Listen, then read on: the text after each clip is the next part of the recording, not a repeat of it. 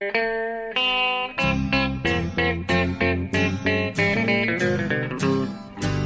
out there, we're on the air. It's hockey night tonight.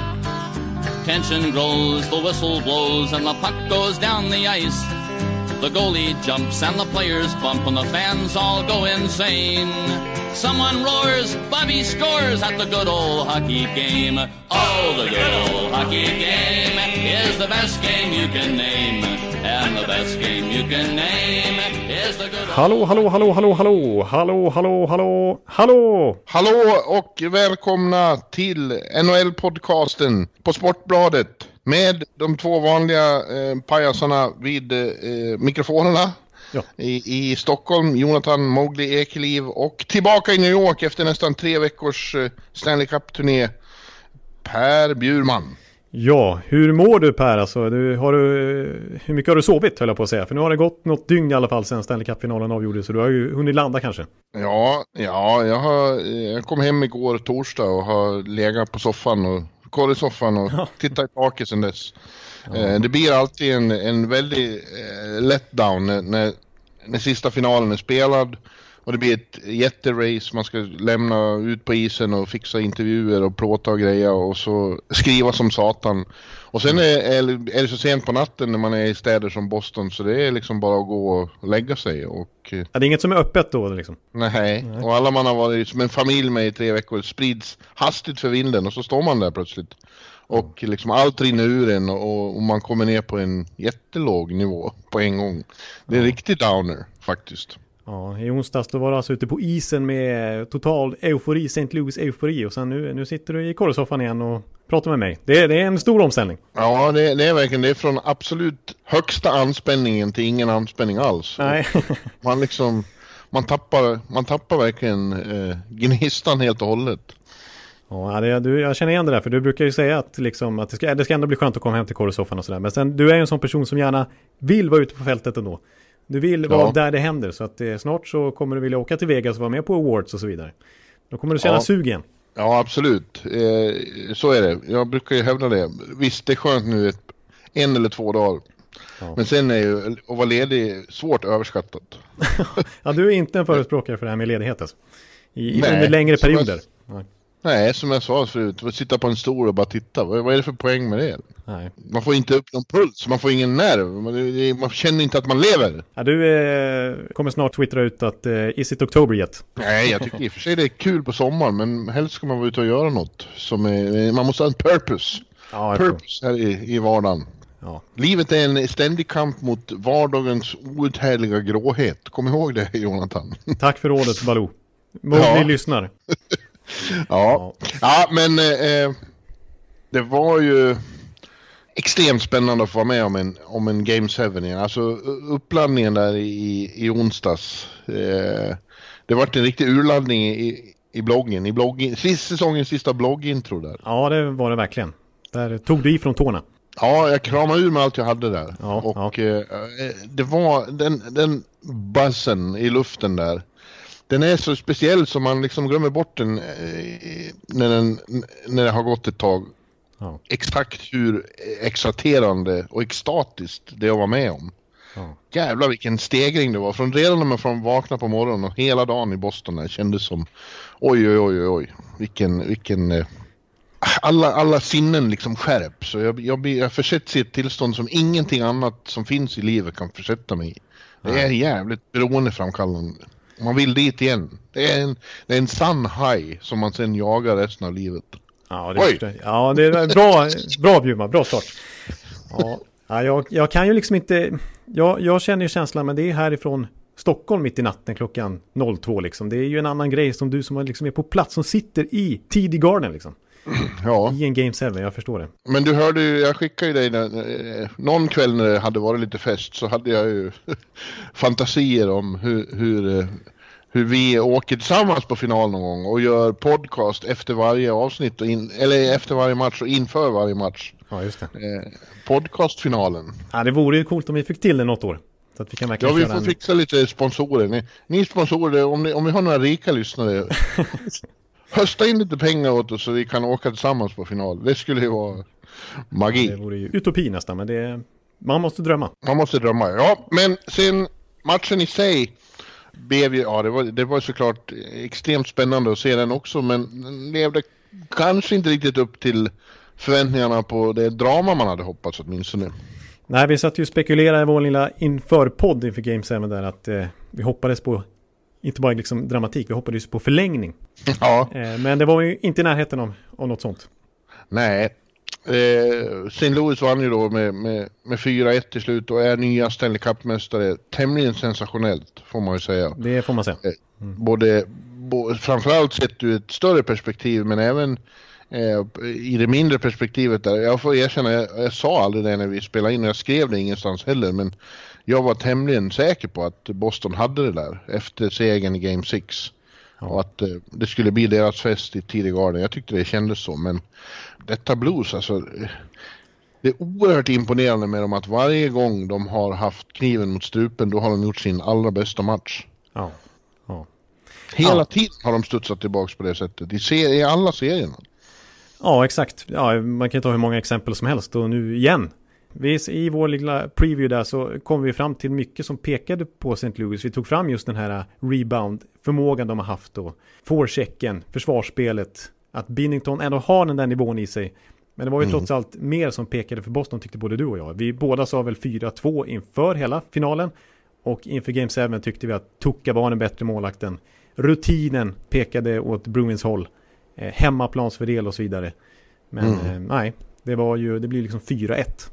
Ja, eh, men, men, men om, om, man tittar på det där då, då hade de väl inte kniven mot strupen i första serien mot Winnipeg. Men när Winnipeg hade kvitterat till 2-2 efter två förluster hemma då, Just det. så tänkte man nu har ju de det här. Nej, mm. då åker, då åker St. Louis tillbaka till Winnipeg och vinner igen. Ja. Eh, sen är det mot eh, Dallas. Dallas. Mm. Ja, då är, är det Game 6 i Dallas när Dallas kan avgöra. Nej. Då gör de en kanonmatch, tar hem det till Game 7 och vinner. Eh, efter eh, San Joses seger i, tredje matchen med, det kontroversiella eh, Just det, i St. Louis med handpassmålet ja. Mm. Ja, hade de hamnat, då tänker man ja, nu hamnar de i 3 underläge inför Game 5 eh, i San Jose och så är det kört. Men nej, nej.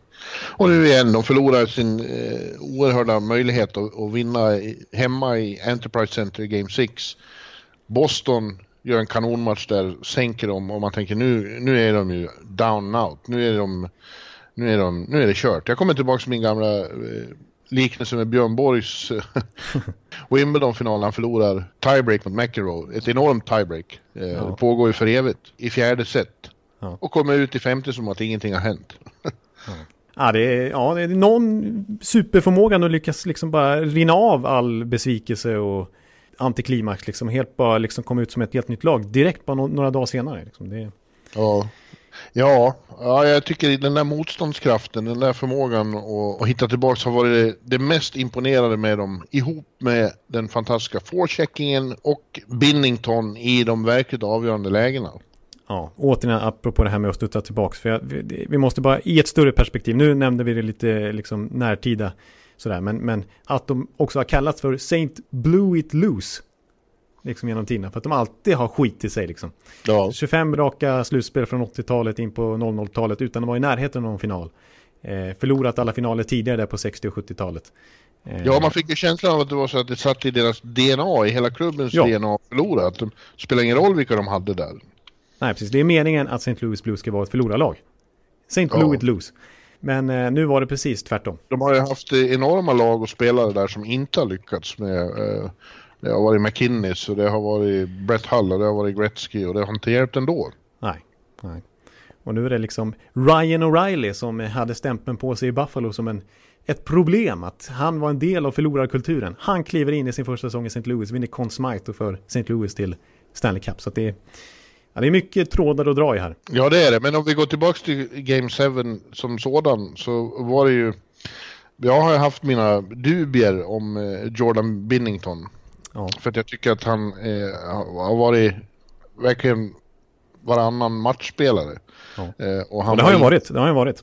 Mm. Han blev ju till och med utbytt i en final och, och han i Game 6 så var han inte, då, då kändes det som han wobblade runt med, med, med skakiga nerver och spred returer om sig som en jävla garning.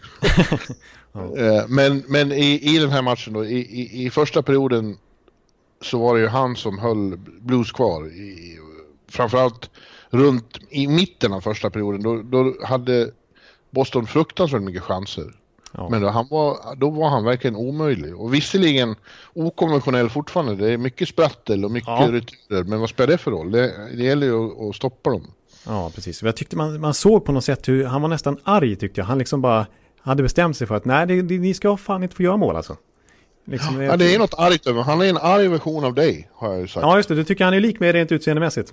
Ja, Fast han har en svart sida som inte du har. När, när det går dåligt så åker han ju gärna förbi motståndarmålvakterna och sånt. I, när det är reklampaus och bumpa till dem och så. Precis, han gjorde väl det mot Rask i den här finalserien. Och han ja, gjorde det ja. inte minst mot Bishop som han liksom yxhögg ryggen. Ja. Så kan man inte göra. Liksom. Nej. Nej, han har en, han har en dark, the dark side of Jordan, Jordan Binnington. Ja, men han har lyckats kanalisera det där till maximalt just i den här Game 7 måste jag säga. För att han var ju fenomenal. För att jag tycker verkligen att Bruins gjorde så gott de kunde i första perioden. Eh, håller Blues till bara fyra skott och bombarderar Binnington med solklara chanser. Men så står det alltså 2-0. Ja, för de var också extremt opportuna då och, och gör ja, i ett ströanfall får man ju säga styr O'Reilly in 1-0. Ja. Eh, och det tror man att det ska sluta, precis i slutet av första perioden så begår ju Brad Marchand ett eh, bedrövligt misstag. Ja. Och eh, slutar spela och åker och byter så Alex Pietrangelo får, får öppen gata och kan åka och trycka in 2-0 och där är matchen avgjord för sen Sen, sen stänger ju Blues bara ner. Eh, det var många som klagade, Boston kom, de orkar inte, de eh, verkar inte vilja det här, men det vill de ju. Det var ju bara extremt frustrerande hur exceptionellt bra defensivt eh, Blues spelade resten av matchen. De Ex gav ingenting. Nej, det måste vi verkligen säga, för vi har berömt liksom St. Louis forecheck och förmågan att behålla pucken i offensiv zon och att de har haft mycket mer zontid än sina motståndare genomgående i slutspelet. Men faktum är ju att de har gjort otrolig struktur i försvarsspelet också. Och ja. en, en otrolig disciplin där. Eh, och det var ju det som visades när de väl fick sin 2-0-ledning. Så kunde de ju verkligen rida på den. För ja. att jag kan inte minnas en chans Boston hade i andra perioden. Det var lite grann i, i, tredje perioden. Jocke Nordström har ju ett jätteläge där Binton återigen gör en superräddning. Hade det blivit 2-1 där så hade ju arenan börjat koka och så vidare. Men, ja. men, Nej, i andra perioden hade de inte en riktigt avancerad chans. Nej, precis. Och det var inte så att de inte ville som eh, sura fans eh, spekulerade i. De ville något oerhört, men, eh, men eh, nej, eh, det var en av de bättre defensiva insatser jag haft och ordet disciplin som du nämnde där hör ju till också. De lyckades göra detta utan att dra på sig utvisningar, vilket ju blev en väldig nyckel mot detta Boston. Just det, precis. För det var också en faktor vi pratade om inför Games även att de kan inte hålla på och dra på sig fler utvisningar. För där var ju en väldigt stor skillnad mellan lagen genomgående i finalen, att blir det powerplay, då gör Boston mål. Ja. Blir det powerplay för Blues så blir det inte mål. Men nu fick ju knappt, de fick ju knappt några powerplay i den här matchen. Eh, och det var naturligtvis till stor fördel för Blues också. Ja. Mm. Ja, så avgjorde du med, med, med, ett par mål till i tredje. Och tyvärr så får man ju lov att säga att eh, medan Binnington var lysande så när det väl gällde så var, inte, var det inte Toka time faktiskt. Nej. Han var, han var inget stort problem. Det var ju, det var ju eh, av, andra problem som var avgörande. Men han gjorde ju inget jätteextra i den där Game 7. Nej, så typiskt. Vi som eh, inför matchen då sa att eh, han kanske kan få Conn trots förlust. Men så kändes det ju inte efter den där Game 7-matchen. Och det är ju, men han slog ju rekord här genom att i all, samtliga matcher fram till eh, eh Game 7 ha över 90 procent. Det har aldrig hänt i NHLs 100-åriga historia att en målvakt hållit en så hem, jämn hög nivå. Men, men eh, nej, nu har han 80 procent i Game 7, den allra viktigaste för hela säsongen. Ja. Att, eh, det, det, där eh, tappade han Conn Smythe som vi ju då eh, satt där och, och skickade in i tredje perioden. Eh, det är ju så att Per Bjurman är en av 18 som får rösta i Conn Smythe. Det måste vi få poängtera. Jag måste ja, göra det i alla fall. Mm. Det är stort mm. eh, och det är då ett uppdrag som eh, de måste ha in de rösterna innan elimination-matcherna är klara så att de har, eh, kan dela ut eh, trofén. Just det. Eh, som delas ut innan bucklan. Och det var, ju, det var ju lite svårt med blues. Det, det, det konstaterade vi redan tidigare för att det, de är i så extremt hög utsträckning ett lag. Ja. Det har varit lagens säsong om man ser till att Finland vann VM med, med verkligen utan stars. Ja, ja. Och, det är lite, det är inte riktigt lika uttalat här men, men eh, nog, nog är Blues i första hand ett lag eh, snarare än en samling individuella superstars. Exakt, för det fanns många alternativ man kunde argumentera för här tycker jag. Verkligen. Men nu slutade det då med att jag röstade, eh, jag hade, man, man, man ska in 1 till 3 då och så poängsätts det efter det. Mm. Och, och jag till slut, jag, jag skickade ju faktiskt in i Game 6 också, var man ju tvungen att göra. Ja, ja. Eh, då, eh, det vet jag inte om man får avslöja, men då hade jag ju Tuka etta då. Eh, ja men det får du avslöja. Ja, då hade, hade Blues vänt i tredje perioden där. Då hade Tuka förmodligen vunnit eh, Conn Smythe som förlorande målvakt. Ja, just det. För, I och med hur omröstningen går till, ja. Mm. Ja. ja, men här då så hade jag... Eh, vad fan hade jag nu då? Ja, jag har för mig att du hade O'Reilly etta, du hade ändå Rask tvåa och så Binnington trea, kan det vara så? Ja, exakt så. Eh, det har ju lagts ut nu på, på eh, vi i Professional Hockey Writers Association är ju, eh, tror ju på Transparens! transparens och har, har lagt ut, eh, och vilket alltid blir liv om. Man har fått lite skäll här på Twitter av random amerikaner. Alltså. Mr. Per Bjurman, what are you thinking man? Ja, Ah, O'Reilly, Tokarask, Binnington, så hade jag det då. Binnington, det, det blev ju för... Insatsen i Game 7 tog honom upp dit till slut faktiskt. Eh, Även om det här ska gälla eh, hela slutspelet då så blir ju, ju viktigare matcherna är desto, desto mer tyngd får ju den stora insatsen vill jag hävda. Ja, det kan jag köpa. Och eh, eh, O'Reilly då som, som vinner, alltså han, han gör ju framförallt en enastående final och det är ju ändå allra viktigast i slutspelet. Precis, han var lite, inte besvikelse, men liksom inte framträdande i de tre första rundorna. Eh, Det kändes som det fanns mer att kräma ut det tyckte bluesfansen. Men i finalen som du säger, han, han dels så gör han så mycket poäng så han faktiskt eh, delar totala poängligasegern med Brad Marchand. Men han gjorde klart flest poäng i finalserien. Eh, Ja. Och han gör ju alltså fyra mål i de fyra sista matcherna. Ett mål i respektive match och det har ju inte hänt sedan Wayne Gretzky på 80-talet. Nej. Eh, Nej, jag tyckte han, han var, han vart ju den härföraren som eh, på något vis ledde med de allra viktigaste målen och så. Ja, ja, för mig var det till slut givet att sätta honom etta. För det, det tycker jag man ska notera också. De här målen han gjorde i respektive match på slutet var ju alltid Blues första mål. Alltså han Ja. går ju i bräschen och gör det första målet så att de är med i matchen eller till och med får ledningen och sådär. Jag håller, alltså det är bara att konstatera att han gör en var otroligt som- bra finalserie. Ja, just, just det där att eh, eh, det var extremt viktigt för Blues. När de fick ledningen då var de inte lätta att tas med. Nej, precis. Då var det han som slog an tonen liksom. Ja. Ja, ja, jag, jag kan köpa det. Även om jag på Twitter argumenterar lite för Binnington där. Eh, och det var liksom, det var kanske lite konstigt resonerat för då drog jag med nästan hela säsongen. För jag tycker ändå att Binnington, och det tycker väl alla spelare också sådär, att, att han var den stora vändpunkten. Visst, Berube kom in i november och har ju fått mycket cred och har Ja, ja, ja. stor Men nu ska vi inte blanda in grundserien. Nej, men st- stor del i deras eh, liksom, eh, vändning naturligtvis. Men det var ju när Binnington kom in i januari som, som de helt plötsligt tog mest poäng i hela ligan från det datumet. Och sen uppenbarligen bäst i slutspelet också. Och så på det vis som han stal Game 7 och även Game 5 som gjorde att de fick läge att avgöra på hemmaplan. Men där var han ju inte lika bra. Men, ja. men jag håller med, O'Reillys finalserie är svår att argumentera bort. Ja, men det tycker inte Julie här från St. Louis som eh, twittrar till, till oss alla och mig. Need eye doctors? Working cerebrums? Blah, blah, blah. Don't vote next year, please. Oj, oj, oj, så pass. Det blir totalsågad Per Bjurman. Ja, ja men det är, är- och så står vi här då, men det är en fin grupp, alltså. Eller hur? Ja, NHL-podcasten ihop med Bob McKenzie och, och eh, Elliot Friedman och, och company. Ja. Oj, oj, ja det är stort. Jag, jag, på något sätt försöker jag smita in där också och säga att jag hör ihop lite med Per Bjurman. Här, så att, Ja, det är podcasten som röstar där. ja, just det. Exakt. Podcasten och bloggen. Ja, ja precis. Du, eh, ja, så slutar alltihop med då att vi, eh, vi får komma in på isen eh, det, sådär en 30 minuter efter de har lyft bucklan. Alex Pietrangelo tog emot eh, Lord Stanleys pokal och eh, eh, det har vi gjort nu ända sedan 2008 så har, det, har ju med, media släppts in på isen istället för omklädningsrummet vilket är trevligt på många sätt. Vi slipper bli nedsprutade med champagne Ja, just det. det blir, det blir aldrig gammalt det där, känslan att komma in eh, och, och, och liksom få smaka på, på euforin där ute. Ja. Eh, Det är vackert. Eh, Som, som, eh, det finns en video som heter Names, Names on the Cup. Ja. Som jag la upp på Twitter. Den ska alla gå in och titta på. Den är gripande direkt. Ja. Och där, jag tror det är Bob Gainey som berättade om, om just den där känslan var, varför det blir så starkt. För när slutsignalen går när varje sekund har känts som en minut och varje minut har känts som en timme.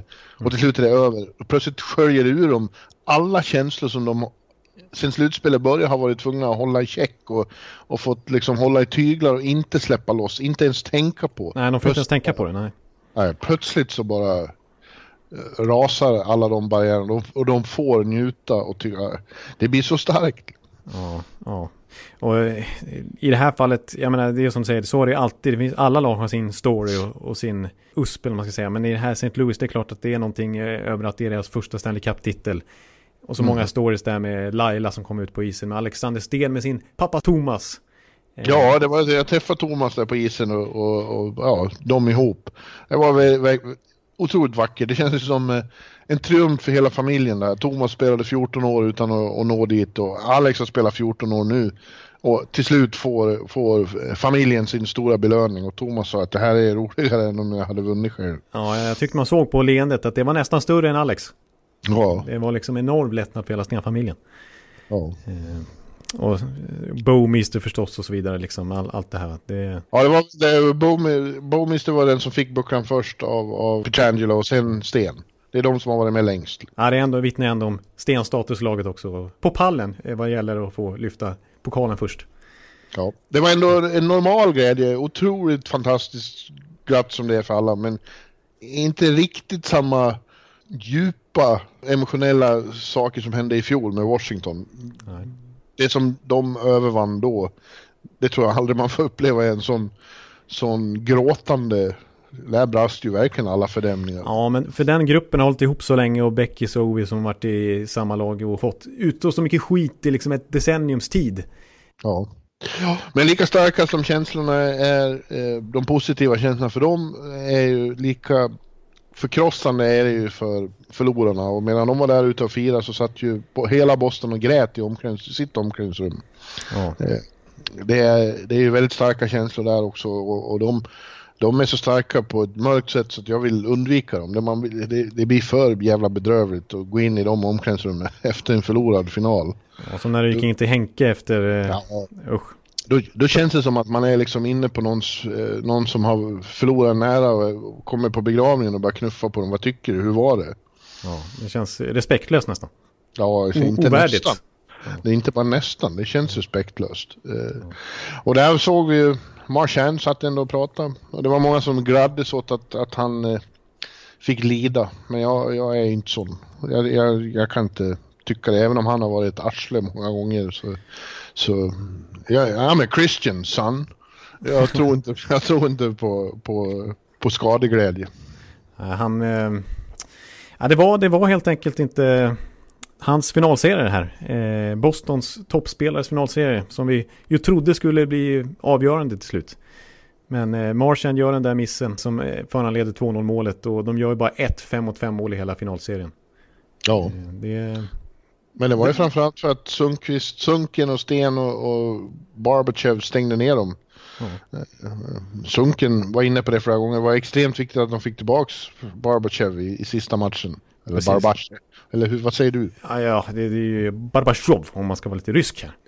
Ekelivsko. Elke Liversko.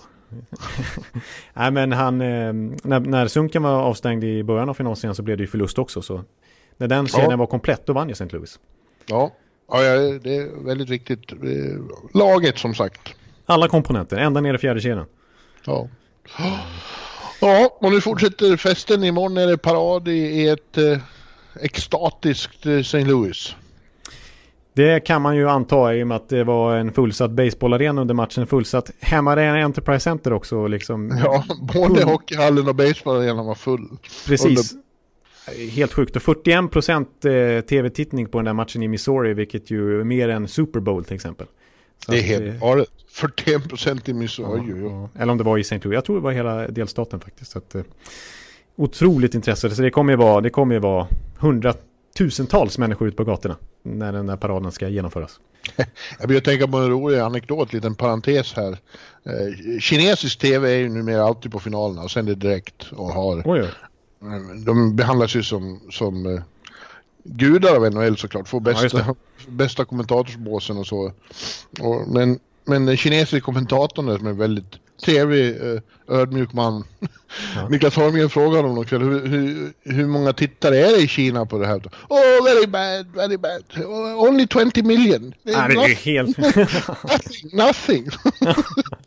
ja, det är bara dubbla Sverige som sitter och tittar på det här. Det är skit, det är ingen som bryr sig. Precis. Den marknaden är så enorm så 20 miljoner är liksom en, en, en, ett gruskorn. Ja, ja det förstår man ju visserligen, men det är, det är sjukt. Ja. Jag tänker verka på en marknad där 20 miljoner är lite. Man, intäkterna är ju fortfarande från 20 miljoner personer. Ja, är- om, våran, om våran marknad var så. Ja, men vi är glada för er som är här. ja, ni som eh, faktiskt sitter uppe på nätterna och kikar på det här. Och lyssnar på NHL-podden till och med. Mm. Ja men du, eh, Jag skulle vilja bara nämna en sak till om St. Louis. Vi har ju varit inne på det att, och det är ju söndertjatat det här med att de låg sist i januari och så vidare. Det är ju det som är grejen med St. Louis. Men tycker det är värt att poängtera, för det tycker jag inte poängteras tillräckligt, hur nära det här laget faktiskt var, lagbygget, kåren, var att sprängas där i december och, och januari.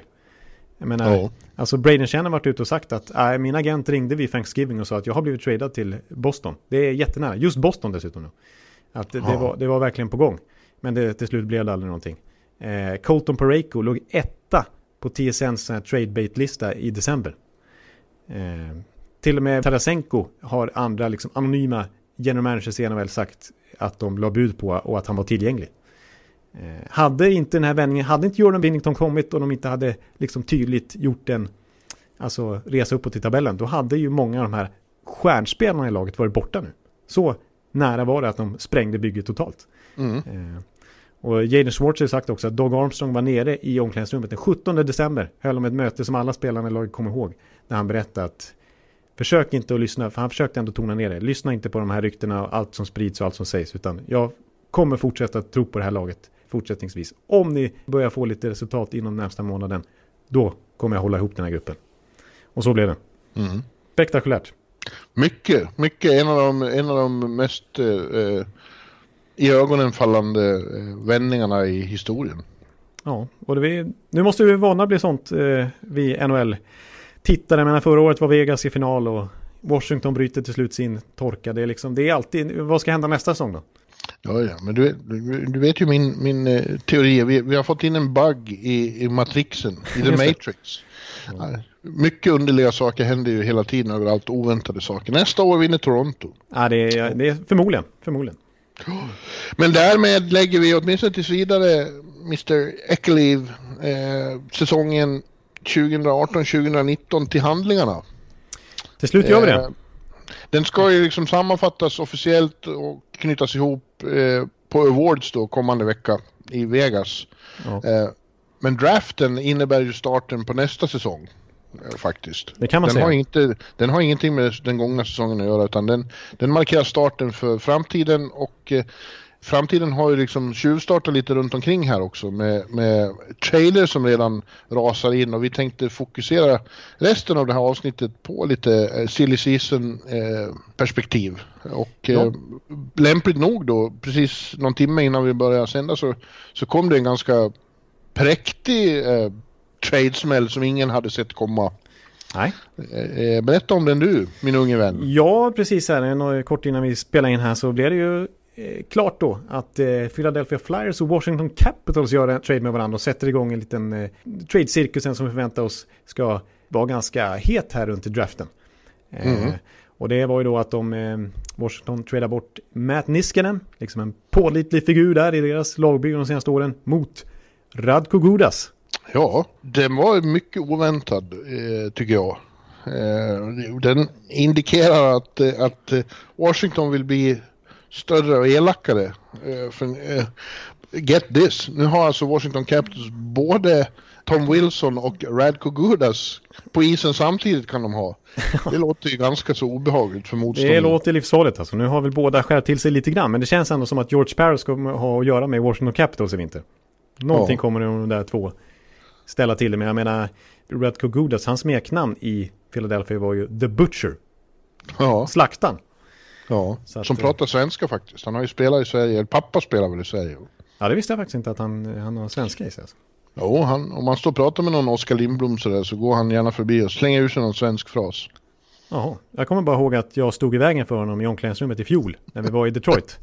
Och Ja. Radko Guda säger liksom bara Give me some space man! Liksom så här, stenhårt och, och med sitt stora skägg där. Jag blev ju fullständigt livrädd. Kunde inte säga någonting på flera minuter. Ja, Ja. Men det, är också oväntat i och med att de är i samma, inte bara samma konferens, de är i samma division också. ja precis. Eh, exakt. Men det är, jag, jag kan på ett sätt förstå den här traden. Alltså från Washingtons perspektiv så, så, så skapar de ju löneutrymme här. Eh, Niskanen tjänar ju uppåt över 5 miljoner dollar, uppåt 6 miljoner dollar och hade ett antal år kvar på sitt kontrakt. Medan Radko Gudas ligger ju runt 3 miljoner dollar och har bara ett år till nu. Mm. Eh, så att eh, dessutom behåller ju Philadelphia 30% av hans lön faktiskt. Så att det, Ja. de, de eh, skapar sig väldigt med löneutrymme här i Washington som inte har mycket av den varan. De har bara åtta forwards på kontrakt och har liksom inte mycket löneutrymme. Ja, är det 12-13 miljoner de har i löneutrymme. Så nu har de faktiskt möjlighet att kanske att resigna en Burakovsky, en Karl Hagelin som ju fansen vill ha kvar och Ja, så vidare. Eh, så att det, på det viset är det ju bra. Och så är mycket i Fancy Stats-communityn tycker jag faktiskt att det är en bra trade i och med att Radko Gudas den senaste säsongen framförallt hade betydligt bättre underliggande siffror än Niskanen som ju var en stor besvikelse i Washington. ja han hade, han hade, han hade eh, Stanley Cup eh, hangover han. Ja. Men det, det är ju ändå en bra back tycker jag. En, eh, Ja. spe, ja, stabil defensiv men också hyggligt liksom spelande back. Ja, jag har fortfarande färskt i minne hans slutspel i fjol för jag tyckte han var grym i sin shutdown-roll för Washington. Han hade ju faktiskt en betydande del, eh, han och Orlov ihop i, i, Ja. i slutspelet i fjol. Så jag tycker att jag kan förstå Vigneault och eh, Chuck Fletcher i Philadelphia som vill ha in honom. Och han är ju right back dessutom. Det har visserligen Gudas också, men de har tunt om sådana i Philadelphia. Han är den enda just nu i laget som är right-fattad. Eh, så jag tror faktiskt att det är en bra värvning för Philadelphia också, som har mycket löneutrymme. Ja. Och, och som verkar bli väldigt aktiva här på trademarknaden. De, nyss så tradade de ju också till sig eh, Kev, rättigheterna till Kevin Hayes. Ja, Eh, och eh, huruvida han kommer att resignas eller inte, det, det återstår ju att se. Men det, det är ju en, en, en pusselbit att spela med. Precis, och en indikation på vad Philadelphia har för avsikter här i sommar. De ska börja satsa ordentligt nu. Eh, Ja, det går ju mycket rykten. Det, det har till exempel, eh, jag vet inte vad den här traden idag betyder för det, men det, det, det talas ju om att Shane Ghostis Bear är, är eh, on the trading block. ja, exakt. Att han ska ligga pyrt till. Eh, också. Ja, det är mycket rörande liksom, rörelse i den där organisationen nu. Men jag tycker, jag tycker ändå är rätt att Philadelphia går för det nu. För att till slut så tröttnar de ju faktiskt på Ron Hextall som gjort sånt otroligt bra jobb med att skapa löneutrymme, föryngra laget och sådär. Få städa Han- bort han- dåliga kontrakt. Ja, han har ju verkligen, han gjorde ett strålande jobb på det sättet och, och, och ställde upp Holmgrens garna, garna inte Niklas Holmgrens, Nej, nej, nej, exakt. Paul, Paul Holmgrens eh, hade ju radat upp usla kontrakt. Han förstod inte riktigt lönetaks eh, Nej, det var inte hans starka sida. Men nu, natur. Nej, precis. Men nu tycker jag att det är rätt här att, att Chuck Fletcher har fått mandat att eh, liksom gå in i win now-mode. Nu ska Philadelphia Flyers på allvar bli bra här. Och eh, jag, jag tycker Kevin Hayes kan bli en intressant andra center där, för Nolan Patrick är ju uppenbarligen inte riktigt redo. Hey, I'm Ryan Reynolds. Recently, I asked Mint Mobile's legal team if big wireless companies are allowed to raise prices due to inflation. They said yes. And then when I asked if raising prices technically violates those onerous two year contracts, they said, What the f are you talking about, you insane Hollywood ass? F- So to recap, we're cutting the price of Mint Unlimited from $30 a month to just $15 a month. Give it a try at mintmobile.com slash switch. $45 upfront for three months plus taxes and fees. Promo for new customers for limited time. Unlimited more than 40 gigabytes per month. Slows. Full terms at mintmobile.com. Än. Eh, Men vad, vad, logiken i att trada Ghost då, vad skulle det vara? Han, han har varit lite ojämn för dem, de, är, de tycker inte att han har levt upp till sin fulla potential. Det, det, det, det brukar ju svänga lite från säsong till säsong och även i säsongerna. Ja, precis. Han är lite ojämn och han har haft, det är verkligen som du säger, ena året har han varit fenomenal, andra året en besvikelse. Sen liksom 65 poäng för förra säsongen och nu nere på 37 poäng. Så det går ju upp och ner, men han har ju, han har en enorm högsta nivå. Men eh, så skulle man trada honom nu så säljer man honom lågt, som man brukar säga. Alltså, när han, Men de, ska de göra det så, så måste de ju få mycket för det. För att, som Ja. du säger, jag tycker det känns som det finns väldigt mycket potential där. Ja. Men på ett sätt kan jag förstå att man skulle kunna offra någon av de här unga backarna. För visst, han är 26 nu, Ghost Spear. Han känns ju yngre faktiskt. Men eh, de har ju, jag menar Travis Sanheim slog igenom lite förra säsongen. Gjorde faktiskt 35 poäng, bara två färre än Ghost Spear. Och de har ju Provorov. Och de har ju Philip Myers på gång också som faktiskt spelar VM för Kanada. Också offensivt skicklig back. Eh, så att på det viset kanske någon av de här offensiva killarna skulle kunna gå att avvara för att få in någon annan pusselbit i laget. Eh, och alla är dessutom leftare, som sagt. Det är bara Niskanen som är rightare, som skulle kanske behöva fördela lite bättre där. Eh, jag har ju ett litet förslag. Jag kommer med Ja, ett trade-förslag här. Det har inte mig. Det, det, är- det är jag inte förvånad över. Nej, men eh, jag har inte tänkt... Silly, Silly Mowgli. Ja, Sille Mowgli här har ett litet förslag. Ni, ni får tänka, jag har, är inte för detaljerad här. Det kanske behöver addas lite åt respektive, eller något, kanske från Flyers håll då. Men en annan back som ju är tillgänglig, det är Jacob Troba i, i Winnipeg. Right Mm. back, lite mer defensivt lagd än en sån som Goetze Spear till exempel. Han är mer en tvåvägsback, eh, Troba. Eh, och han kommer, vad det verkar som, inte stanna där. För att de har ju också sina lönetaksproblem. De, har, de ligger verkligen tajt om de ska ha råd med Line och Kyle Connor och sådär. Så att det, det pratas ju om att, att han vill bort. Det har varit struliga förhandlingar med Jets alltid där. Vi minns ju att han nästan gjorde en William Nylander för några år sedan och strejkade långt in i säsongen. Så Troba tror jag inte kommer Ja. att stanna. Men han är kanske mer den typ av back som, som eh, Flyers skulle behöva nu får det jämna ut lite på backsidan. Så att, och han är dessutom rightare. Så att någonting med Ghost Spear mot Troba kanske. Eh, för Ghost Spears kontrakt är ändå förmånligt. 4,5 miljoner, det är många år till. Det skulle Jets behöva nu när de behöver skära ner lite på kostnaderna. Mm. Eh, och så Troba kanske kan få en 7,5 miljoner i Flyers då som han vill ha. Ja, jag tycker det finns någonting där. Ja. Ja, eh, jag har varit inne i finalen och tycker den är så överlägsen viktig allt annat. Så att, eh, jag har inte... Eh, Du har inte kopplat på säsongen 1920 än? Nej, det har jag verkligen inte. Eh, De här, jag förstår att ni som, ni som är inne på andra lag, ni väntar ju bara på att det här ska vara över så ni får, ni får eh, ägna er åt eh, de här ovidkommande lagen som inte har varit i final. Usch, usch, usch. Men du skickade ju en lista här med, med saker och ting. Eh, Ja, lite eh, namedroppa lite. Ja, några av de rykten som gått och ett som ju eh, är intressant men svensk inblandad är borta i västra Kanada då att eh, Vancouver, Vancouver-ledningen är inte helt nöjd med Louis Erikssons uttalanden i VM. Han kritiserade coach, eh, vad heter han? Travis Green. Green ja. Eh, och nu sägs det att hans eh, kontrakt som ju anses som ett litet eh, ankare om halsen på, på Vancouver ska by, bytas mot ett som är en ankare om halsen för Edmonton. Eh, Milan Lucic. Milan Lucic ja. Och plus någon till där då. Eh, vad tror du om det? Ja, alltså det verkar ju liksom finnas seriöst, eh, eller seriöst, men att det ändå liksom inte bara är taget ur luften. Utan att Ken Holland och eh, Benning eventuellt har faktiskt pratat om det här. Eh, Ja. Och det är ju, ja, det blir ju verkligen, jag vet inte vad jag ska säga egentligen, men det, det är ju typiskt så här, det är ju de här kontrakten som vi kommer se nu också eh, första juli. De här 30-åriga UFAsen som får liksom jättehöga kontrakt för att man ska vinna budkrig, men i slutändan blir det mest att man betalar för vad de har gjort och inte för vad de ska göra. För nu är de ju lite till åren, de har passerat Zenit och de lever ju inte upp till sina kontrakt. Så att eh, det blir ju en sån lösning för Lou Eriksson att ska han bli tradad då, blir, då måste ju Vancouver i sin tur ta tillbaka en Milan Lucic. Liksom. Och visst, det finns ju Ja. en... Ja, det finns ju logiken i det att, det, att han, eh, de vill ju bli lite tuffare. Eh, han är en Vancouver-pojk också. Han är ju Eh, därifrån, även om han hatade dem eh, 2011. Och Vancouver hatade honom. Men eh, Ja. han är ju en British Columbia-kille, Lucic. Ja, och eh, eh, nu är det ju så att eh, efter den här finalen, vi vet ju att eh, det som händer i finalen sätter tonen, eh, åtminstone till viss mån.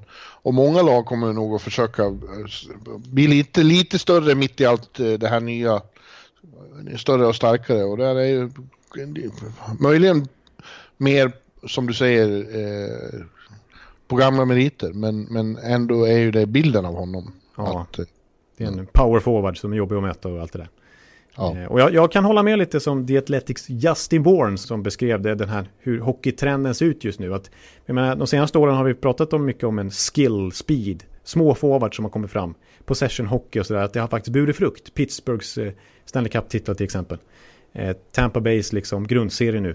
Men för att vinna så, så kanske det inte bara en metod som räcker, utan man måste ha lite av allt möjligt. Och han, Ja. jäm, han jämförde med till exempel MMA när det startades upp, att man ville se vilken kampsport, vilken kampgren är den mest effektiva. Men liksom svaret har ju blivit att man måste influeras av lite allt möjligt, man kan inte bara vara expert på någonting. Så, eh, och det är lite grann kan man säga i hockeyn här också, som det visar sig nu. Det räcker inte bara med, med speed och skill och fart och possession, utan det måste finnas lite sandpapper och eh, arbetsmoral och så vidare och olika spelartyper också. Om vi ser på både Blues och, och St. Louis. Blues och Bruins ska det vara, inte Blues och St. Louis. Det blir konstigt. Som jag har pratat om som tunga lag, men de, men de har ju allt möjligt. De har ju de har Tory Krug, de har Vince Dunn, de har Marcus Johansson, de har David Pasternak, Tarasenko. De har eh, Oskar Sundqvist, den typen av gnuggare, liksom eh, Jocke Nordström, eh, Marchand, Bershon, O'Reilly. Det, det är ju väldigt många olika typer av spelare. Och det är ju den liksom kombinationen som ger bästa resultatet. Eh, Mm. Kan jag tänka mig. Så, eh, Ehm, så, ja, så jag håller med om att vi kanske går mot en, eh, mot en... Det kanske pendlar lite grann nu inför sommaren här. Att det inte bara är, är liksom den här moderna possession-vågen som tar fart nu. Utan det kanske är lite alla möjliga former av spelartyper som får en liten revansch. Liksom. Ja. Annars är det inte så många svenskar som det är eh, eh, trade-rykten om eh, direkt. Det är mer att vi har extremt många som blir UFAs och RFAs. Jag gick faktiskt igenom hela listan igår och det är ju 30 stycken sammanlagt. Är det så man... Ja, mm, ja. Ja, eh, vi har alltså, jag tror det är 16 UFAs och 14 RFAs. Eh, Strålman, Anton Strålman, Mario Kempe, Karl Hagelin, Niklas Kronwall, Marcus Johansson, Carl Gunnarsson, Marcus Kryger, Erik Karlsson, Gustav Nyqvist, Tim Hed, Per Lindholm, Robin Lehner, Alex Edler, Oskar Lindberg, Magnus Pääjärvi och Patrik Nemeth. Det är alla UFAs. Oj, oj, oj. Ja. William Karlsson, Marcus Pettersson, Andreas Jonsson, Andreas Bu- André Burakovsky, Adrian Kempe, Oskar Fantenberg, Oskar Sundqvist, Fredrik Claesson, Gustav Forsling, Johan Larsson, Linus Ullmark, Joel Eriksson Ek och Pontus Åberg är alla RFAs. Ja. Det är ju en enorm mängd. Enorm mängd och ganska många feta namn där också. Feta Ja, killar. feten, eh, ja, jag brukar ju, jag överanvänder ju det ordet av någon konstig anledning. Men, eh, ja. Men nej, några av de här RFA, RFAsen, deras kontrakt kan ju eventuellt komma att tradas då. Eh, de av dem som det är mycket eh, surr om i bakgrunden är Andreas Jonsson, tror man inte kommer att vara kvar i Toronto. ja, de har sina... Burra, Burra ligger lite taskigt till kanske där i, i Pontus Åberg i Minnesota vet man inte heller. Ja, Claesson lär inte komma tillbaka till eh, Rangers tror jag. Nej, vi får se William Karlsson också med tanke på att eh, Las Vegas helt plötsligt, har, eller Vegas säger man ju bara, har satt sig en lite tuff, eh, de ligger ju faktiskt över lönetaket just nu. Om man, Ja. eh, så det är inte helt självklart att de får plats med William Karlsson om han vill höja sin lön inför kommande säsong.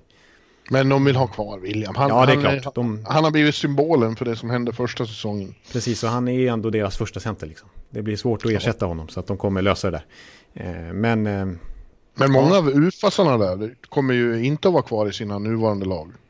nej. Nej, vi får se vad en Marcus Johansson är ju jätteintressant efter den här finalen, efter det här slutspelet. Ja. Men de kommer ha väldigt svåt att knä in honom under lönetaget i Boston. Exakt, förmodligen får han en, en fin, fin lön någon annanstans istället. Ja.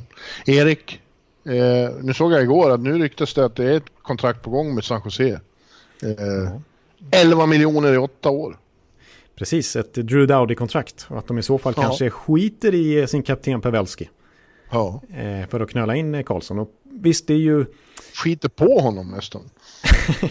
ja, men det är ju deras kapten och deras ikon eh, ihop med Thornton. Så här. Men vi såg ju de gjorde med Marlö. De är uppenbarligen beredda att gå från lite historiska legendarer ändå. Ja. Det är väl egentligen bättre att satsa på lite yngre, även om Karlsson har en skadehistorik, än att gå på Pavelski. Då. Men jag måste säga det med Lou Eriksson också med tanke på eh, vad vi, vi pratade om han nyss och eh, vad jag såg precis innan vi började spela in här. Att hans agent har gått ut här nu och sagt att eh, vi, han har ju en no trade-klausul. Mm. Louis, han kan ju faktiskt stoppa en trade om man skulle vilja vara kvar i Vancouver eller vara missnöjd med det som erbjuds. Men agenten säger att nej, vi är beredda att samarbeta med Jim Benning här, general managern, och explore every option. Ja. Så att, eh, för jag tror uppenbarligen utifrån hans kommentarer så är inte Louis så sugen på att stanna i Vancouver heller. Så han eh, ser nog gärna en, en trade bli av. Ja. Så det, kommer nog, det kommer nog bli något där. Spännande. Vad, har vi, vad har vi mer då som inte är svenskt relaterat? Vi har eh, PK Subban är föremål för spekulationer. Ja, det, hans namn försvinner ju inte utan han dyker ju upp nu när det har kommit upp massa trade baits listor så här, vilka som är troligast att bli tradade. Då är hans namn jättehögt, jättehögt upp. Eh, på The Athletic så är han tvåa faktiskt på den listan. Eh, Och vad bygger det resonemanget på? på, på TCN är han femma. Ja, men det bygger ju på att eh, dels så är det ju precis som Gostisbury till exempel så kommer han från en, en besvikelse till säsong. Det är, ju- hela Nashville underpresterade tyckte man ju men P.K. Subban kanske allra mest med tanke på att han är bäst betald i, i laget, 9 miljoner dollar. Eh, men gjorde minst poäng av de här topp 4 backarna. Eh, och det funkar ju inte liksom i någon spelform egentligen, inte minst i powerplay. Eh, så att, och då är grejen då att eh, om ett år, då är Roman Josi kaptenen, UFA. Eh, och han ska ha pengar alltså. Han ska ha liksom, inte Erik Karlsson pengar, men uppemot 10 miljoner dollar. Eh, och- Roman. Ro, Roman. Ro, Roman. Roman. ja, vi har en förkärlek till förnamnet Roman. Eh, Ja. Men eh, då blir det svårt att kanske knöla in han och ha Subban på 9 miljoner också. Så då kanske man gör så att man, man helt enkelt prioriterar bort Subban här nu och eh, skickar iväg honom. Det, och det finns ju intresse naturligtvis. Eh, det, det lag som jag tycker sett mest skulle kunna tänka sig att och höra av sig och deala med David Poyle i så fall. Det är New Jersey. Ja. Eh, som ju, visst, jag tycker de har en spännande backsida med Damon Severson och eh, Will Butcher och så vidare. Men att man kanske skulle offra någon av dem eh, mot P.K. Subban för att få ett riktigt affischnamn. För att liksom kickstarta en nysatsning här med, med Jack Hughes och, och så vidare eh, nästa säsong. Och att eh, Nashville i sin tur då skulle få en kanske inte lika namnkunnig back som Damon Severson eller Will Butcher, men en hälften så dyr. Eh, och spara löneutrymme. Så ja, just det. det, det finns nog någonting där. Jag, jag, jag tycker inte alls att det är ologiskt att Subban nämns här i de här sammanhangen. Och återigen, precis som i Montreal så har det faktiskt börjat surras om det här med dynamiken i omklädningsrummet och platsen som Subban tar även utanför isen. Eh, och att det skulle vara ett problem. Jaha. Jaha. Inte, inte på samma sätt som i Montreal som gjorde att han slut blev tradad, men ändå. Det är återigen det här Subban-snacket som dyker upp. Ja, det blir spännande. Ja. Eh, Ett annat namn som vi har pratat om i, podden här tidigare är eftersom att en trade var klar. Den låg på bordet, eh, respektive general manager var nöjd med dealen och det återstod bara att höra av sig till Phil Kessel. Och eh, be han ja, säga vad han tycker i och med att han har en no trade-klausul och kunde stoppa. Och det gjorde han. Han ville inte till Minnesota. I utbyte mot Jason Zucker. Eh, Så att nu är det en lite spänd situation där alltså. För att nu har ju Rutherford, eh, general manager i Pittsburgh, sagt att ja, men om vi inte får till någonting då, då, då behåller vi väl Phil Kessel. Vi kommer inte skänka bort honom. Men samtidigt, då ska han in i omklädningsrummet igen Kessel och veta att han är oönskad egentligen. Att de försökte trada bort honom. Ja, och att han inte kom överens med Mike Sullivan. Nej, precis. De är ju varandras ovänner numera. Det har ju varit så under en längre tid, trots möten och sådär eh, på somrarna, att de har försökt tala ut med varandra. Men nej, de står ju... De, de har olika synpunkter på hur saker och ting ska gå till. Ja. Hur Kessel ska användas och vilken roll och vilket ansvar han ska ta. Sådär. Så att, nej, det borde bli en Kessel-trade trots allt. Eh, Men som sagt, det verkar inte som att det är någon general manager i något annat lag som är riktigt sugen på att betala priset av de åtta lag som Kessel kan tänka sig att bli tradad till. Han har ju en sån lista på åtta lag han har lämnat in. Vet du vilka det är då? Ja, det har inte kommit ut riktigt, men det är ett lag som, som har löneutrymmet och kanske liksom pusselbitar att skicka i motsatt riktning. Eh, det är ju faktiskt Arizona. Eh, låter kanske inte som att Kessel skulle vilja dit med tanke på eh, liksom, deras contender-status är väl inte skyhög just nu i Arizona. Men eh, det, är- då får han ju jobba med sin favorit, Rick Tockett. Det var, ju, det var ju han som var assisterande under Stanley Ja, Cup. Stanley Cup-åren och som hade en jättebra relation med alla superstjärnor i Pittsburgh och inte minst Kessel. Han vill ju gärna ha Kessel till Arizona. Men John Shaika verkar inte lika sugen på att fixa till ett sånt byte än så länge. Oj, vad du har haft tid att undersöka saker medan det har pågått final. Ja, men så, så är det ju. Jag, eh, Du har inte behövt flyga som en idiot mellan, nej, mellan St. Louis och Boston. nej, precis. Inte sitta på en flygplats i fem timmar i St. Louis som du fick göra och sen missa planet och komma hem fram mitt i natten eh, till Boston där som inför Game 7. Nej, det har jag. Jag har ju haft semester eh, i ett par veckor till och med. Just det, du skulle ju vara i Tampa då. Ja, exakt. Precis, så att jag har haft all tid i världen här att läsa på. Du jinxade Tampa när du tog ut den semestern skulle jag vilja säga. Ja, jag, jag, jag vet. Jag vet. Jag måste bära lite skuld. Ja. Kommer de att göra några trader då? Eh, inte så mycket trader va? Det är mer frågan om hur de ska göra med sina kontrakt och så.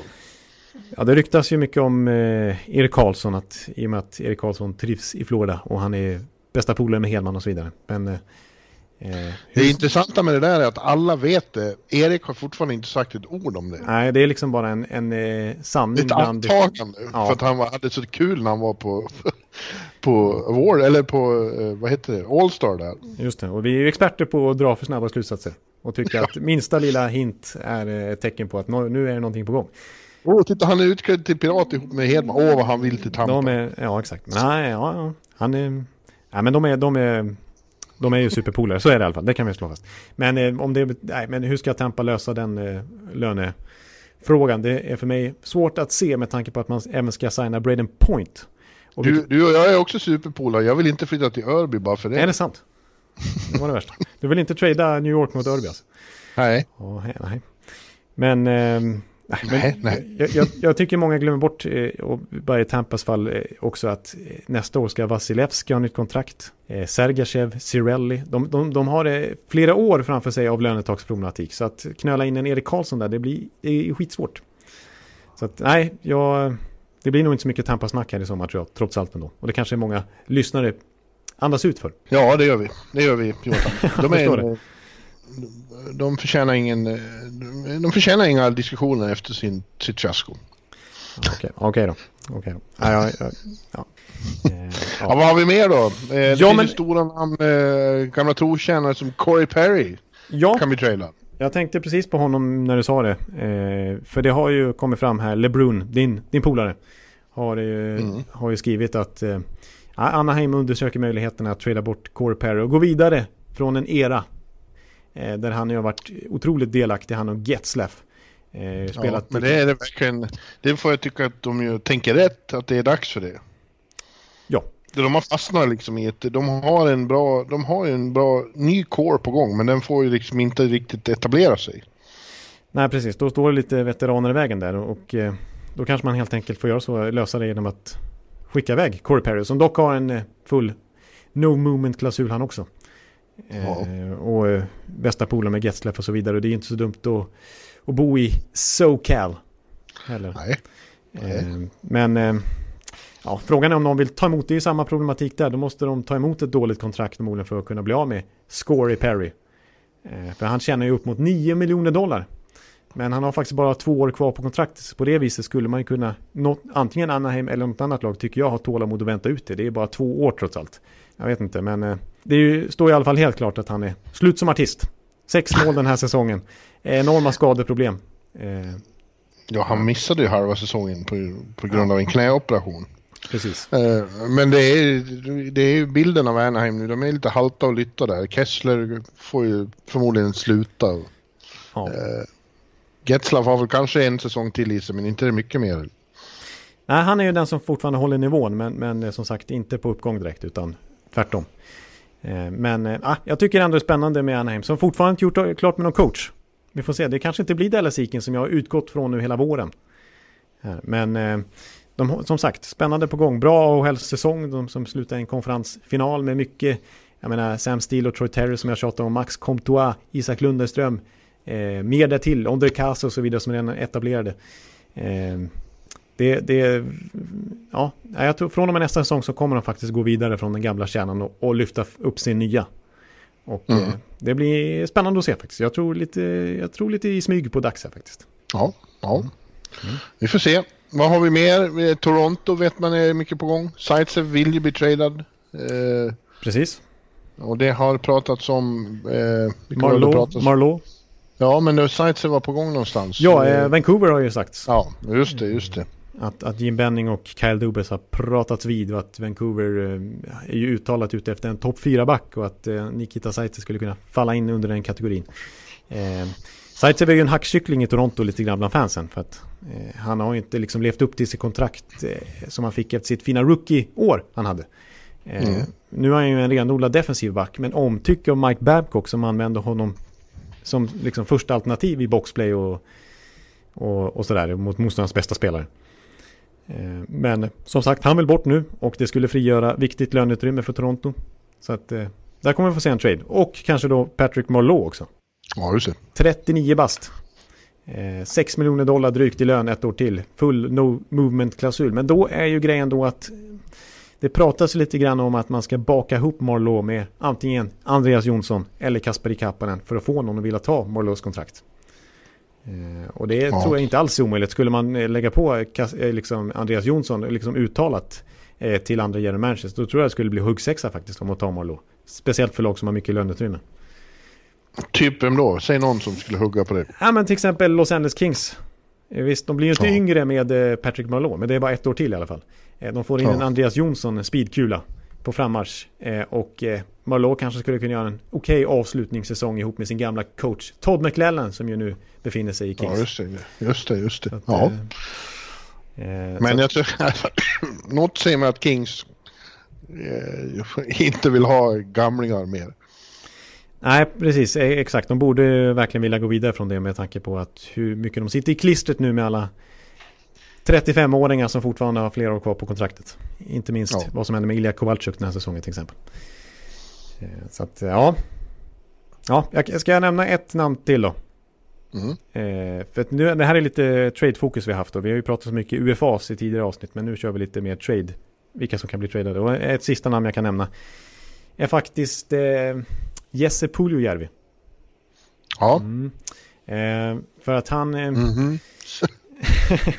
Nej men han, eh, han har faktiskt uttalat, han är ju hemma i Finland nu och uttalar sig där för deras Ilta Sanomat och så vidare. Att han tror på en trade. Han, han, ser gärna att det blir så. Och det är inte så vanligt att man uttalar sig på det viset. Men han, det har ju verkligen inte blivit ett lyckat projekt för Edmonton. Han som ju var så otroligt hypad som junior och inför draften. Ja. Eh, han gjorde mer poäng än Patrick Line i JVM. Eh, han gjorde hattrick mot Sverige i U18 VM-finalen. Eh, han hade ju liksom alla verktyg, eh, var det många som tyckte. Men akklimatiseringen till Nordamerika har inte alls funkat. Eh, och det var ju en som förutsåg det onekligen och det var ju hans landsman Jarmo Kekkeläinen. Som alla trodde skulle välja Puljujärvi med tredje valet där 2016. Men tog Pierre-Luc Dubois. Genidrag, ja. genidrag i, får man ju säga. Eh, man blev utskrattad av er eh, statsmänniskor. Ja, det vet jag inte. Jag, jag, var kanske inte så involverad i just den eh, debatten måste jag säga. Men, eh, men Puljujärvi i sin tur blev ju skitsur. Han ville ju bli draftad av Kekkeläinen. Han kallar ju honom en massa könsord. Eh, när, han när han inte trodde att han var on camera. Eh, eh massa finska svordomar där. Men nej, det har inte blivit lyckat. Han har ju haft svårt med språket till exempel. I, och liksom att flytta som 18-åring till Nordamerika till ett helt annan kultur, liksom. helt annat språk. Ja. och det har inte gått det har inte gått bra helt enkelt. Men det finns ju någonstans en väldigt potential där. Så att frågan är vilket värde han har numera. Om det är bra för Ken Holland att skeppa honom nu för att det ändå inte blir någonting. Ungefär som Nail Jakubov. Eller om det är så att man går miste om en supertalang helt enkelt. Så det blir intressant att se vad som händer där. Men vi kan nog räkna med att Pooley blir tradad i alla fall. Ja. För det, det, så kommer det bli. Så att, ja. Ja, det, men det är ju spännande dag nu, eller spännande veckor här fram till, uh, ja, över draften då, då kommer det, dels är det draften itself, men då är det ofta mycket trader också. Uh, och sen öppnar ju Free Agency då, första juli va? Precis, exakt. Och man ska komma ihåg det att från den 23 här nu, en veckan innan första juli, så har ju andra klubbar möjligheten att intervjua eh, spelare som ska bli UFAs första juli. Till exempel Erik Karlsson. Det är, fin, det är en fin dag, 23 juni. Ja, det är det självaste 52-årsdagen. Ja. För eh, Mr Bjurman. Ja, visst. Ja, det är, då, det är stort faktiskt. Säger nästan grattis på förhand faktiskt. Ja, du får ta och göra det. Jag får göra det. Eh, men jag tror vi hinner höras en gång till eh, innan dess. För att nästa vecka är det ju eh, Awards då. Ja. Eh, ska vi, ska vi, vi kommer inte att spela in innan dess tror jag. Ska vi helt snabbt eh, tippa vinnarna? I ja, de tunga kategorierna. Ja, ja, och jag kan bara säga det, vi kanske, vi, det kanske blir ett avsnitt mellan awards och innan draften då eventuellt. Ja, jo, mm. det blir det. Det måste vi ju. så blir det, precis. Vi har blivit lite utskällda här för att vi inte spelar in tillräckligt ofta. Nej, vi har varit lite, det har varit eh, lite dåligt med sista veckan här faktiskt. Men nu, mm. nej, vi ska hålla uppe tempot. Lys lyssnarna är som små fågelungar som är öppna munnar, som ska mer och mer och mer. Ja, förlåt. Vi, vi älskar er. Ja, vi gör, gör ju väldigt gärna den här podden så det är ju bara underbart att det är folk som hör av sig överhuvudtaget. Ja, Eh, men vad, vi, vi går igenom det här lite snabbt eftersom vi förmodligen inte hinner spela in innan, innan dess. I Nej. Heart, den tunga, där har vi Sidney Crosby, Nikita Kucherov, Connor McDavid. Mm. Och jag tror att din, det här gäller ju då, det gäller att understryka det, det gäller bara grundserien. Rösterna som vi, som vi röstar i, i den här omröstningen, de eh, levereras kvällen innan slutspelet börjar. Så slutspelet har noll och intet med det att göra. Exakt, så nu måste vi koppla våra hjärnor tillbaka till hur vi tänkte i början av april. Ja, och jag tror att Nikita Kucherov vinner. Ja. Han var så överlägsen, eh, jag, jag inte bara tror, jag är 100% övertygad om att han vinner. Precis. Nej, jag är 100% säker på det också. Eh, sen ska vi se, sen har vi, vi kan ta Norris. Eh, Mark Giordano. ja, där har vi Brent Burns, Mark Giordano och Victor Hedman. Och eh, ja, det blir ju, det blir ju Calgary-backen. Han hade, eh, dels så har man bilden av att eh, kanadensarna tycker att det är dags. Ja, ja, Eh, och och eh, dels så hade han ju en väldigt, väldigt fin säsong också. precis. Och dels så gick, ville Drew Dowdy vara med och påverka omröstningen lite grann veckorna Ja. innan genom att gå ut och toksåga Brent Burns. Vilket ju fick stor uppmärksamhet. Målvaktspriset Vessina, där har vi då nominerade Ben Bishop, Robin Lehner och Andrei Vasilevski. Och eh, där är ju Vasilevski vinnare. Ja, utifrån, eh, skulle man rösta nu så skulle han inte vara i närheten förmodligen med tanke på att de rök ut med 0-4 matcher när det väl var dags. Men eh, med grundserien i, i minne så, så, så lär han vinna. Ja.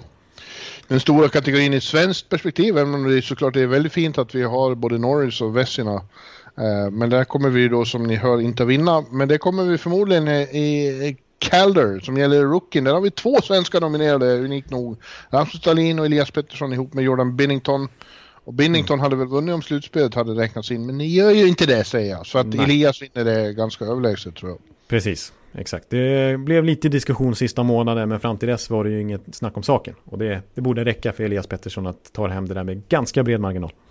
Ja, en, en sur Ekeliv kan inte få vinna det här. En sur Ekeliv, epigon. Nej, du, du, du tänker på Binnington förstås. Jo. Ja. Nej, det blir inget med det. S- Selke, uh, Bergeron, O'Reilly, Stone. Ja, där får man ju säga att det, det var ju passande att O'Reilly fick en nominering. O'Reilly och Bergeron ska sitta och, och titta på varandra ja, efter en, veck, en, en vecka efter finalen. Ja, precis. Men jag kommer ihåg vem jag argumenterar för och jag vill ju att Mark Stone, en ytterforward, ska bryta trenden och faktiskt få Ja. det där priset en gång. Så att jag säger Mark Stone, men jag tror väl att det blir kanske Bergeron. I och med att han brukar prenumerera på Selke. Ja. Eh, I eh, Jack Adams så har vi Craig Berube, John Cooper och Barry Trotz. Nu känns ju Craig Berube som han borde vinna som har stått, stått för det här fantastiska. Men, men eh, eh, igen, slutspelet räknas inte så jag tror att eh, Trotz kanske tar det. Ja, jag tror, jag tror också på Trots. Efter eh, den metamorfosen som de genomförde under grundserien jämfört med året innan. Ja. det, blir, det blir Trots. Eh, han, eh, han gjorde ett fantastiskt förvandlingsnummer med Islanders och eh, framförallt att han att, eh, att det där som hände med, med Tavares inte, inte Påverkar fick påverkan alltså, nej precis. Eh, General Manager of the Year, Doug Armstrong, Don Sweeney, Don Woodell från St. Louis, Boston respektive Carolina. Ja, det är ju anmärkningsvärt att eh, det här, de här gjorde, alltså att både Sweeney och eh, Armstrong är nominerade när det är de två som tog sina, fick sina, se sina final, lag i final. Att de Ja. faktiskt blev nominerade också i, dessförinnan. Så att... Eh, eh, Nej, ja, det är svårt att säga. Kanske blir det Armstrong ändå. det kan nog faktiskt bli det, eh, även med grundserien som måttstock. Ja. Ja, eh, vad har vi mer? Det de andra är inte så mycket att... Orda om. Masterton, kom, Masterton kommer Lener att vinna. Det blir fint. Ja, vi får se både Pettersson och eh, Lene få ett pris. Det tror jag. Ja, det får vi. Att, Och King Clancy. Där har vi ju Lundqvist, Oliver Ekman Larsson och Jason Zuck- Zucker eh, ihop. Och det vet man ju inte. Det räknas ju med eh, eh, the player who best exemplifies leadership qualities on and off the ice and has made a noteworthy humanitarian contribution to his community. ja. Och där är, är ju inte vi stora experter. Ja, jag vet att Oliver ska komma dit. Det låter som eh, Henk Lunkan inte kommer. Det tycker jag är tråkigt. Ja, okej. Ska jag faktiskt uh, kolla med honom nu. Du drar ett sms här. Ja, Ja.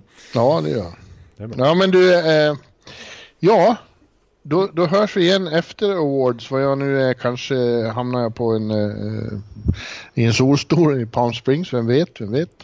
Ja, det brukar bli så. Det har ju hänt förr. Det beror på hur det går vid spelborden tror jag. Ja, just det. Ekonomin där. Ja. Eh, Men nu har vi ju ropat efter sponsor som ska fixa eh, eh, så att du åker med på alla finaler i fortsättningen. Just det, just det, just det. Om det är någon, milj- om det är någon miljardär i lyssnarkretsen så, så var inte blyg. Vi vill gärna ha pengar. Ja. ja. Nej, Ja. men vi, vi, eh, vi, vi, eh, vi tackar för oss där. Och eh, Ja, det gör vi. tackar alla som har lyssnat. Och eh, Nu ska jag lägga mig på soffan igen och, och försöka koppla av. rehabilitera. Eller gå på bio. Gå på bio. Ja, men vad trevligt. Mm. Ja. ja, men vi säger eh, tack och bock och på återhörande helt enkelt. Yes. Hej hej! Hej!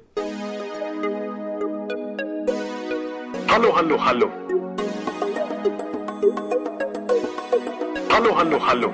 Alex Chiazot, Joe Luis Arena och Esposito. Esposito. Uttalsproblem, men vi tjötar ändå.